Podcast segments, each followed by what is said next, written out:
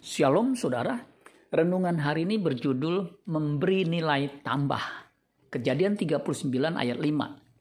Sejak ia memberikan kuasa dalam rumahnya dan atas segala miliknya kepada Yusuf, Tuhan memberkati rumah orang Mesir itu karena Yusuf. Sehingga berkat Tuhan ada atas segala miliknya, baik yang di rumah maupun yang di ladang.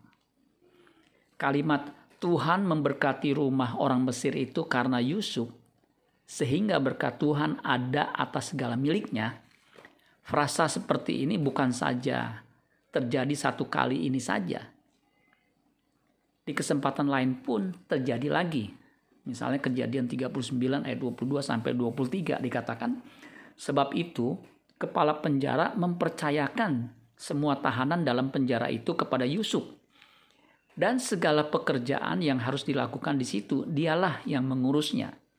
Dan kepala penjara tidak mencampuri segala yang dipercayakannya kepada Yusuf. Karena Tuhan menyertai dia dan apa yang dikerjakannya dibuat Tuhan berhasil. Yusuf selalu memberi nilai tambah di mana pun ia berada.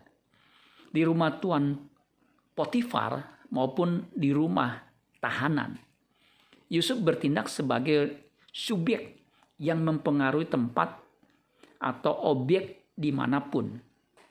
Tidak seperti kebanyakan anak muda zaman now merasa keren kalau berada di tempat atau objek wisata yang wah dan mewah sehingga bisa pasang status di medsos. Sesungguhnya anak muda seperti ini jadi objek bukan subjek. Ia ditentukan dan dipengaruhi objek yang di luar dirinya. Hanya orang yang mengalami penyertaan Tuhan dan memiliki sikap atau attitude yang baik saja yang bisa membawa dampak bagi lingkungan di sekitarnya. Amin buat firman Tuhan. Tuhan Yesus memberkati. Sola Gracia.